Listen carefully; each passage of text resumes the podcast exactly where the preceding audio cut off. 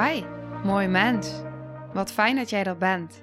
Mijn naam is Sandy en ik geloof in een wereld waarin iedereen zijn liefdevolle zelf mag zijn.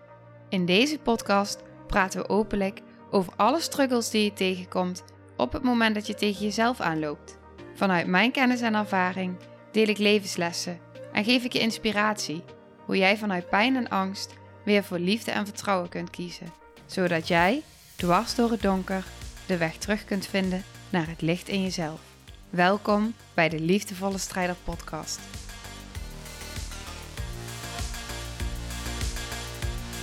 Hey, hallo, dag, mooi mens. Wat fijn dat je luistert, wat fijn dat je kijkt. Ik heb een aflevering voor je, ik heb inspiratie. En ik voel dat ik tegen je wil zeggen voordat ik begin, want ik heb het idee met de inspiratie die ik door me heen voel gaan, dat ik vrij snel de diepte in ga en dat die best pittig kan zijn. Op het moment dat je hierin herkent, in ieder geval, dan kan die pittig zijn. En ook op het moment dat je je hier onbewust in herkent, kan het zijn dat het ineens in je bewustzijn komt, waardoor je denkt: wow, wacht, dit is intens. Dus voel even bij jezelf: is dit het moment om dit te luisteren? Um, heb je iets nodig? Uh, misschien een hulpbron? Zorg goed voor jezelf. Dat is wat ik vooral tegen je wil zeggen. Um, Oké. Ik hoorde bij Anna Verwaal in de verdiepingsdagen. Ze zei even iets. Nou, best kort eigenlijk. Maar hij bleef zo bij mij hangen. Bleef zo bij mij doorwerken en het gaf voor mij zoveel erkenning. En er kwamen dingen terug door de loop van mijn leven waarbij ik dacht: wauw, nu, ja, het, het gaf erkenning. En ik voel dat ik daar iets over wil delen met jou, omdat het wellicht ook iets voor jou kan betekenen. Als jij hier ook in herkent. Oké. Wat Anna Verwaal deelde. Ze zei: In de baarmoeder ontwikkelt eigenlijk jouw brein. En ik heb er wel eens over gedeeld in de podcast. Ons brein is onderverdeeld in drie breinen. We hebben een oerbrein, noem ik het altijd. Anna noemde het het reptiele brein. Dan hebben we een emotioneel brein, zo noem ik het altijd. En we hebben een, ik zeg altijd het mensenbrein, het denkende brein. Um, je kan het ook de frontale vortex noemen, zoals Anna het noemt. Um, ja, mijn termen zijn iets, iets uh, ja, anders, maar het komt op hetzelfde neer. Oké, okay, um, wat Anna dus benoemde in die dagen, wat dus bij mij zoveel indruk maakte, was dat als jij dus in een baarmoeder zit van een moeder die gelukkig is, dan ontwikkelt jouw brein zich. Tussen haakjes even, als we het even hebben over goed of fout, dan krijg je een goed ontwikkeld brein. Een goed ontwikkelde frontale vortex. Als jij in een baarmoeder zit van een moeder die ongelukkig is, dan wordt jouw reptiele brein meer ontwikkeld om te kunnen vechten of vluchten. Ik hoorde honden van de buren blaffen. Ik hoop dat je daar geen last van hebt. Ik ga wel door met opnemen. Um, want ik voel dat ik dit nu met je wil delen. Dus ik hoop dat het oké is en dat het meevalt op de opname. Um, oké. Dus met deze informatie. Wat er bij mij meteen door mij heen stroomde was dat rond mijn. Nou, ik zat nog bij de jeugd GGZ. Dus ik weet niet hoe oud ik was, al ergens tussen mijn 16 richting 18. Volgens mij heb ik zelfs tot 21 bij jeugd GGZ gezeten, maar dat weet ik niet helemaal zeker. Maar in ieder geval, ik zat nog bij de jeugd GGZ, weet ik. En ik weet dat mijn psycholoog, een van mijn psychologen, op een gegeven moment aan mij uitlegde hoe het in mijn brein werkte. En in die tijd uh, vond ik dat heel interessant. Ik begreep het enigszins. Maar de afgelopen jaren zijn al die. Uh, is, dat is mij zo blijven bijgebleven.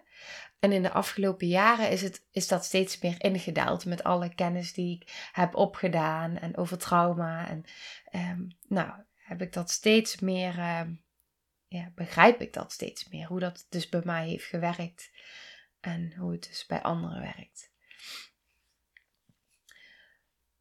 Maar wat, er dus eigenlijk, wat zij dus eigenlijk tegen me zei was: Jij reageert en leeft op dit moment alleen maar vanuit je oerbrein, je reptiele brein en je emotionele brein. Jouw denkende brein, jouw mensenbrein doet bijna niet mee. En dat klopt. Want als ik terugga naar die tijd, als ik mezelf weer zie in die tijd.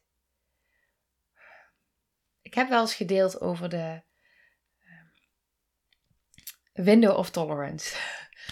En ik ga het nu even heel kort door de bocht doen. Maar window of tolerance, dat betekent eigenlijk dat op het moment dat jij in het groen zit, in het midden, dan ben jij gereguleerd, verbonden, aanwezig in het hier en nu, afgestemd en in staat om ook te verbinden met anderen. Dat is hoe ik het dan vertaal, je gezonde brein, goed ontwikkeld brein. Op het moment dat daar dus een verstoring in zit, hechting, trauma, baarmoedertijd, pre-perinatale periode.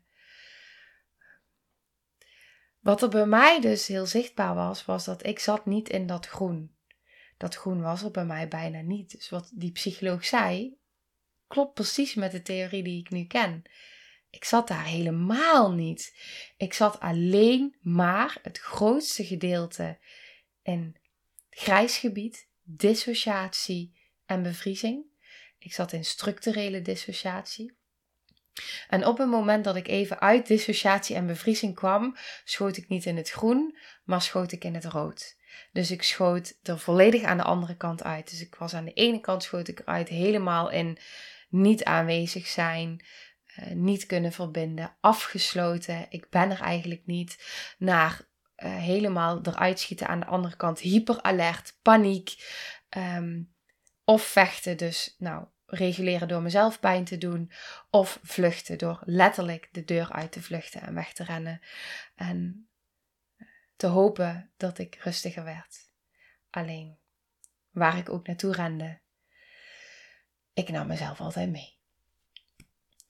Dus ik schoot de hele tijd daartussen. En dat is eigenlijk, als je het hebt dan over dat reptiele brein, zoals ik het altijd noem. Uh, zo, ik kom niet maar op het woord. Het, is veel wat ik deel, dat voel ik zelf ook. Um, ja, ons overleefbrein. Het is ook niet hoe ik het noem. Maakt niet uit, Sandy. Het is oké. Ehm, ja, nou, dat ik dus eigenlijk de hele tijd in die, uh, in die modus zat. Um, in dat, uh, ja, dat brein. En, uh, en ook het emotionele brein, absoluut. Alleen dan de, de, complete overweldiging. En dat zit weer in die vechtvlucht ook. Echt het niet kunnen, niet kunnen overzien, niet kunnen reguleren. Zoveel, um, ja, overleefmodus volledig. Dat is ook de tijd waarin ze zich heel veel zorgen maakte over mij. En dat ik aan de medicatie ging en bijna opgenomen werd. En um, nou, ik zat daar gewoon echt compleet, compleet vast eigenlijk. Maar toen ik dit dus hoorde bij Anna Verwaal, en daarom wil ik dit ook met jou delen, op het moment dat jij hier dus ook in herkent, Wat ik vooral tegen je wil zeggen. Je bent niet fout. Het is niet jouw schuld. Dat voel ik wat ik tegen je wil zeggen. En waarom wil ik dit zeggen is omdat vanuit mijn eigen ervaring, vanuit mijn ervaring met de mensen met wie ik werk, waarvan ik weet dat mensen zich erin herkennen en ook hoe ik me erin herken, is op het moment dat we er aan alle kanten uitschieten, dat we gedrag vertonen wat niet uh, tussen haakjes normaal is of gewenst is of um, gedrag wat anders is. Waardoor er allerlei labels op je zijn geplakt. Misschien als kind al. Misschien was je als kind. Um, je of, wat ik, wat ik herken en wat veel mensen met wie ik werk herkennen, is dat je schiet in het, de overleefmodus pleaser. Um, zo, op, zoveel mogelijk op je tenen lopen. Alles om het maar goed te doen. Um, om het niet fout, om niet bevestigd te krijgen dat dat wat je diep van binnen bent gaan geloven, ik ben fout. Om alles maar zo goed mogelijk te doen. Zo goed mogelijk te zijn. Maar wat ik ook vaak terug hoor en zie en heb gezien, is ook de andere kant. Dat kinderen, als je nog kind bent, dat je de clown gaat uithangen om op die manier het systeem weer in balans te brengen. Om op die manier je ouders af te leiden. Of dat je tussen haakjes moeilijk gedrag gaat vertonen. En dan ben jij degene die moeilijk is en die naar een school voor moeilijk opvoedbare kinderen wordt gezet. En uh, waar, waar alle aandacht naartoe gaat. Maar ben je wel zo moeilijk geweest? Was je wel, had je wel echt zo moeilijk gedrag? Of maakte jij iets zichtbaar in het systeem? Maakte jij zo pijnlijk iets duidelijk van een onbalans, van trauma, van pijn? En, en werd de hele tijd op jou geprojecteerd: je bent fout en je bent de moeilijke. Maar is dat wel zo? Ik geloof niet dat dat zo is.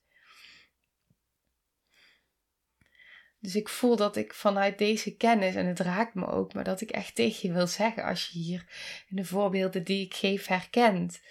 Ehm, het ligt niet aan jou, je bent niet fout.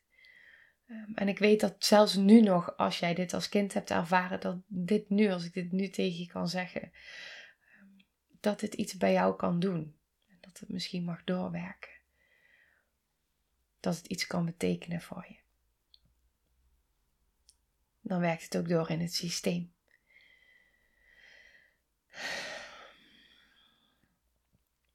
Ik geloof dat wij als kind, dat wij er alles aan doen om de disbalans te herstellen. Ehm, dat we er alles aan doen om onszelf veilig te stellen. Whatever it takes. Maar misschien helpt het je om dit, deze kennis ook te horen. Dat dus jouw brein al in de baarmoeder op een bepaalde manier gevormd is, ontwikkeld is. Dat is al in de baarmoeder is bepaald.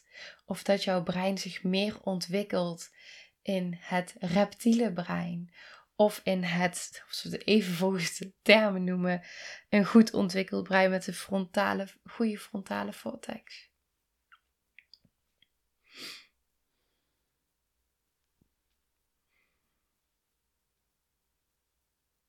Het gaf voor mij, um, het, gaf mij, het bracht mij heel veel om dit te horen. Um, het gaf heel veel erkenning op allerlei lagen. Ja. En ook bevestiging. Dat de dingen die ik heb gevoeld en ergens weet dat het klopt. Want je ziet de uitwerking in hoe ik me heb gevoeld in mijn leven. En hoe ik me heb gedragen. En hoe ik me heb gedragen dat um, daar heeft zoveel schuld en schaamte op gezeten. En dat zit er nog steeds ergens wel. Dat is wel echt wel ehm, anders geworden inmiddels door de jaren heen. Maar ik voel nog steeds, wat ik ook deelde in de aflevering met de opstelling. Ehm, ja, dan, dan, dan voel ik hem daarna ook. Maar dan is het is zo anders. Want ik voel dat hij er even is. daarna, na zo'n opstelling, wow, die kwetsbaarheid en iedereen heeft mij zo gezien. En um, dan kan ik die erkenning geven naar binnen. Ik heb dan niets meer van anderen nodig voor bevestiging of um, wat zullen ze van me denken. Al die dingen zijn er niet meer. Ehm, want ik kan die erkenning naar binnen geven. Dus het komt heel even zo. En vroeger hield de schuld en schaamte hield mij tegen om te delen, om me open te stellen. Die schuld en schaamte was zo groot, die hield mijn heling tegen. Omdat het is echt schuld en schaamte kan zo groot zijn dat het je tegenhoudt om te kunnen helen. Want we helen door het te erkennen, door het te delen, door te verbinden met anderen, door ons kwetsbaar op te stellen, door naar die pijn toe te gaan. Maar als je daar niet naartoe gaat in contact met een ander, of, nou, ehm, omdat die schuld en schaamte je tegenhoudt, dan is die heling ook niet mogelijk. Dus, ik, dus ik, ik, ik heb daarin bij mij enorme verschuivingen gezien. Maar ik weet ook op het moment dat ik me verbind met uh, toxische schaamte, want die ken ik ook, toxische schaamte. Die gaat nog veel dieper dan schaamte. Ik eens over gedeeld ook. Ehm, ja, dan, uh, dan voel ik hoe diep het zit, zeg maar. Maar daar zijn verschuivingen in de hele tijd. Het is gelaagd. Dus, dus ik voel dat dit belangrijk is om te benoemen, ook omdat ik weet dat op het moment dat er bepaald gedrag is geweest en dat um, je daar nog schuld of schaamte op hebt en misschien anderen dat ook hebben, ja, natuurlijk hebben anderen dat meegekregen, daar ook nog eens uh, schaamte en schuld naartoe is. Ja, ik hoop dat dit, dit misschien een heel klein stukje mag zijn, een heel klein beetje erkenning in. Um, in hoe het dus werkt. In ons fysieke lichaam en die uitwerking daarvan. Ehm, de impact daarvan in ons leven. Dat wilde ik met je delen. Oké. Mocht je voelen dat je hier iets over wil delen met me, mocht je iemand kennen waarbij je voelt, wow, die, ik, ik zie daar bij diegene die heeft zo geworsteld met gedrag. Of het nou naar zichzelf gericht is, naar binnen, geweld naar binnen of gedrag naar buiten. Die heeft zo geworsteld vanuit dat reptiele brein. Misschien wel bij iemand die je kent, waarbij je ziet dat ze kinderen hebben die nou, daarin schieten. En dat, deel het alsjeblieft. Deel deze aflevering met diegene. Stuur dit door. Want zo kunnen we samen eh, iets betekenen voor de ander. En mag het via een andere weg naar diegene toestromen? Mag jij daarin de, ja, de verbindende schakel zijn, eh, zodat diegene dit mag ontvangen? Dus echt op het moment dat er iemand in je opkomt, en dat is niet alleen bij deze aflevering, dat is altijd, maar ik wil je daar zo toe uitnodigen. En ik hoor steeds vaker terug van mensen die tegen me zeggen: Ja, ik heb het aan die doorgestuurd en aan die en aan die. Dat vind ik zo mooi. Eh, dat doet echt heel veel met mij. Daar ben ik echt heel dankbaar voor. Dus dank je wel. Ehm, ja, dat betekent heel veel. En dat kan dus ook echt iets betekenen voor die ander. Het is niet voor niets dat er iemand in je opkomt op het moment dat ik dit deel. Dus dan mag, ja, wil ik je uitnodigen om die beweging te volgen. Oké, dat, uh, dat wil ik delen. En dank je wel. Ik ga hem afronden en... Uh, ja, tot de volgende aflevering. Veel liefs. nou, lieve mensen, ontzettend bedankt voor het luisteren. Ik ben heel benieuwd wat je van de aflevering vond en welk inzicht je eruit hebt gehaald. Mocht je nog vragen hebben of is er een onderwerp waar je meer over wilt weten, laat het me dan weten. En wie weet neem ik het mee in een van de volgende afleveringen. Als je het leuk vindt, kun je de aflevering delen. Of maak een screenshot en tag me op Instagram. Want ik vind het echt super tof om te zien wie er luistert. De link van mijn Instagram staat in de beschrijving bij de podcast. En wil je blijvend geïnspireerd worden? Klik dan op abonneer of volgen in de podcast-app waarmee je luistert. Dat zouden ik en alle toekomstige luisteraars enorm waarderen. Want dat zorgt er namelijk voor dat de podcast beter gevonden wordt. Nogmaals, dankjewel voor het luisteren en heel graag tot de volgende aflevering.